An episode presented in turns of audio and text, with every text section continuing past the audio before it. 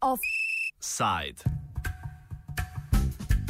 Za razburkanje slovenske politične javnosti so ponovno poskrbeli v krogih okoli Janeza Janše. Na nedeljskem shodu pride čas, ko ni več časa, so se zbrala gibanja in inicijative, ki so podpisala novo majniško deklaracijo 2014. Sama deklaracija si skuša pridobiti legitimnost kot zgodovinska naslednica predhodnih dveh majniških deklaracij iz leta 1917 in 1989, na kar so se danes ostro odzvali v stranki Solidarnost.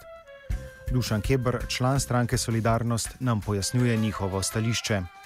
Bil sem v tistih časih, ko je nastajala majniška deklaracija, tudi ko so nastajali, ko je prišlo do drugih dogodkov, ko so nastajali drugi pomembni dokumenti in vem, čemu so bili namenjeni in v tistem času je seveda tudi nastajala nova država, pa ne samo to, malo predtem smo se ljudje um, zbirali na ulicah, da bi protestirali proti jugoslovanski armadi, ki je zaprla civilista, civiliste, enega med njimi, Janeza Janša, smo že nekaj let kasneje videli na mestu obramnega ministra, ko je kot obramni minister zapiral in dal pretepa civiliste. To je bila afera Depala Vas. Po aferi Depala Vas so sledile druge afere, preprodaja orožje, na koncu preprodaja oziroma korupcija v zvezi z oklepniki Patrija, ki so na koncu pripeljale do zakonite in veljavne obsodbe na zapor Janeza Janše. E, menimo, da zloraba pomembnih, velikih zgodovinskih dogodkov v času osamosvajanja naše države danes, da bi se nekdani junak, danes pa seveda kriminalec, branil, eh, branil pod krinko teh dogodkov in danes na novo vzpostavljal eh, nove majniške deklaracije, je, je po naši presoji in ne samo po naši presoji res huda zloraba in, uh, in tudi še tako glasni protesti njemu uprit, ne, more, ne morejo preglasiti enostavnega dejstva, da je bil pravnomočno obsojen in da mora upoštevati in spoštovati sodbo, sodbo sodišča. Mislim, da bo tudi večina slovencev to razumela. Do nove majniške deklaracije je kritičen tudi zgodovinar Božo Repe, ki se obregne zlasti ob formulaciji, ki jo deklaracija uporablja. Navajamo, da si Slovenci želimo živeti v uspešni državi slovenskega naroda? Torej, veliko je bilo v zadnjih 20 letih manipulacij z zgodovino in veliko jih poteka tudi v sedanjem času. Ta z majniško deklaracijo je ena od teh z nekimi, se mi zdi, precej prozornimi nameni, neko, neko razlago da pravzaprav tisto, kar je bilo takrat mišljeno, še ni končano, da tranzicija ni končana in da, torej, če rečemo z besedami, ki se pogosto uporabljajo, da čakamo neko tretjo, drugo ali tretjo ali ne, vem, ne vemo katero republiko. Ne. Se pravi, da se Slovenija oblikuje po meri tistih, ki so napisali majniško deklaracijo, torej naj bi Slovenija postala neke vrste država, v kateri prevladujejo crkv, desnica, ne, torej v evropskem smislu tista usmeritev, kakršno smo sedaj poslušali in izkušali dva mandata konzervativne desnice v Evropi. E, torej, gre seveda tudi za nekaj drugega. Ne, v spredje se postavlja narod, se pravi tisto, tisti, ki je narojen kot slovenec in tisti, ki naj bi te vrednote zagovarjal, to je pa nekako po naravi v narekovaju povezano slovensko desnico, desnico oni naj bi bili branik slovenstva. Ne. Tisto je sedaj v spredju. Ne.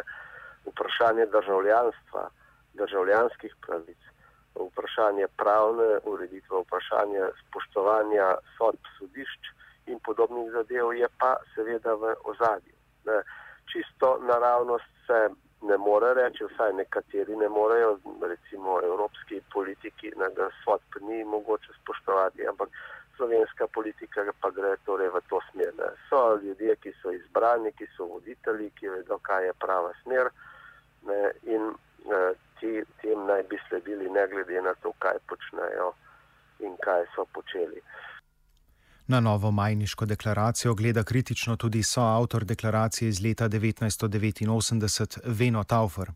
Ja, moj komentar je, da je to tekst, ki je predvoljiven in sem prepričan, da ga, ga bodo sami pozabili takoj po volitvah. Namreč e, tako e, je gostobeseden, tako poln nekih splošnih trditev in fraz, ki so zlahka prepoznavne kot predvoljivne. E, kar se pa tiče primerjave z obema prejšnjima manjškima deklaracijama, to sta dva zgodovinska teksta, ki sta ostala, ki sta kratka, ki jasno govorita, kaj hočete povedati. E, Medtem ko za to tega ni mogoče reči. Se pa strinjam, da je to e, s tistimi, ki ugovarjajo, da je to strankarska izraba imena majniške deklaracije, to je. In uh, kot sem rekel, ne govori vsem, ampak govori samo tistim, ki so naši. In tistim, ki pa niso naši, pa nima kaj povedati. Organizatori so si za ime nedeljskega shoda prisvojili vers pokojnega pesnika Daneta Zajca: Prihaja čas, ko ni več časa. Kako na to gleda, nam je povedal sin Daneta Zajca, Lenard Zajc.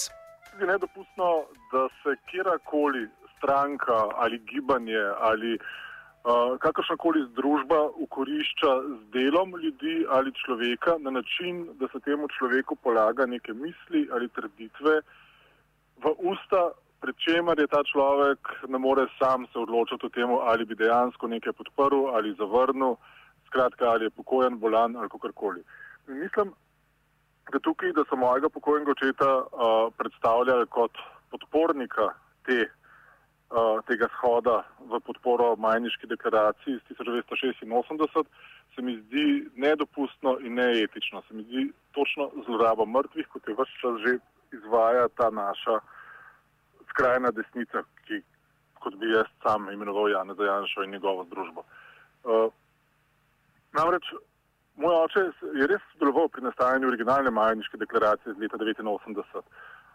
Vendar ali bi danes se strinjal s tem, da ta majniška deklaracija ni izpolnjena in jo je treba masovno podpirati na ulici ali ne, je čista špekulacija, ki za me ni sprejemljiva, se v tem on sam ne more soditi. Ne bom se spuščal zdaj v to, da v bistvu ta vers, ki so ga uporabili, je iztrgan iz konteksta, namreč ta pesem, uh, tvoj čas, iz katerega je iztrgan ta vers, ki so ga oni uporabili kot naslov svoje, svojega druženja. Uh, ta pesem govori o smrti, govori o koncu, govori o soočanju posameznika s svojim koncem in zazrtostjo vase ob, ob tem uh, soočanju.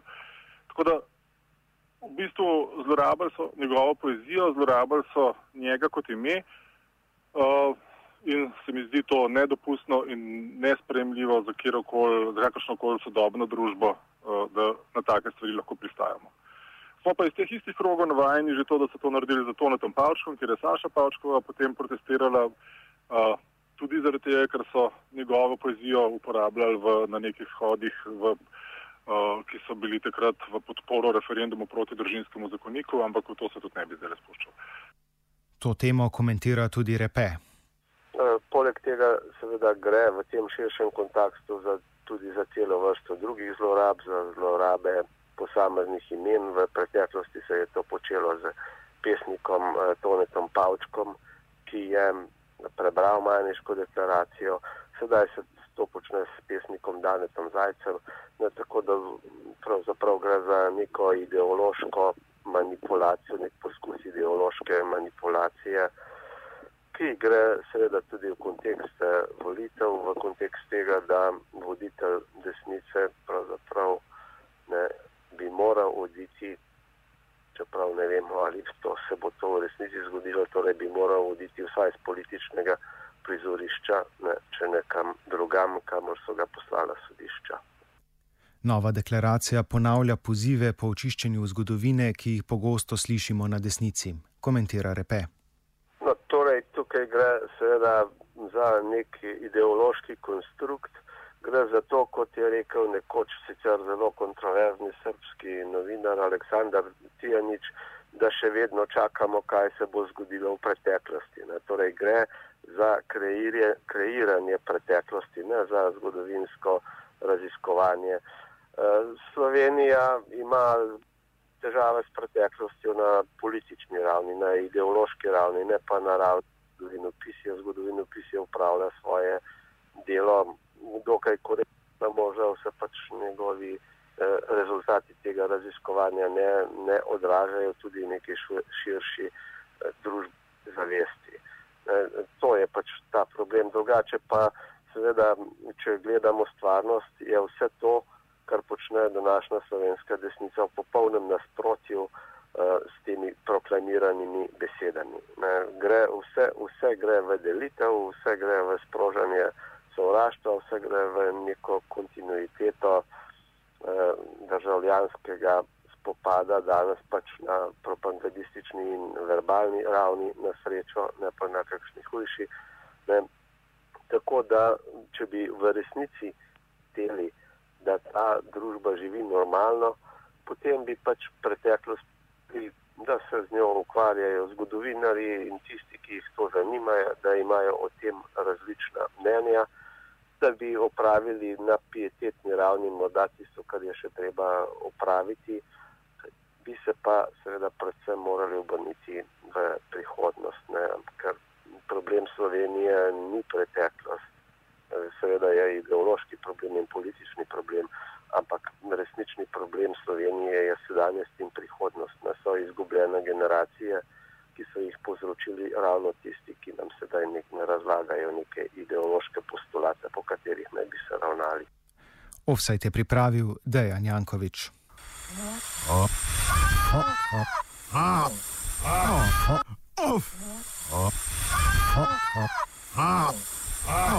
Offside.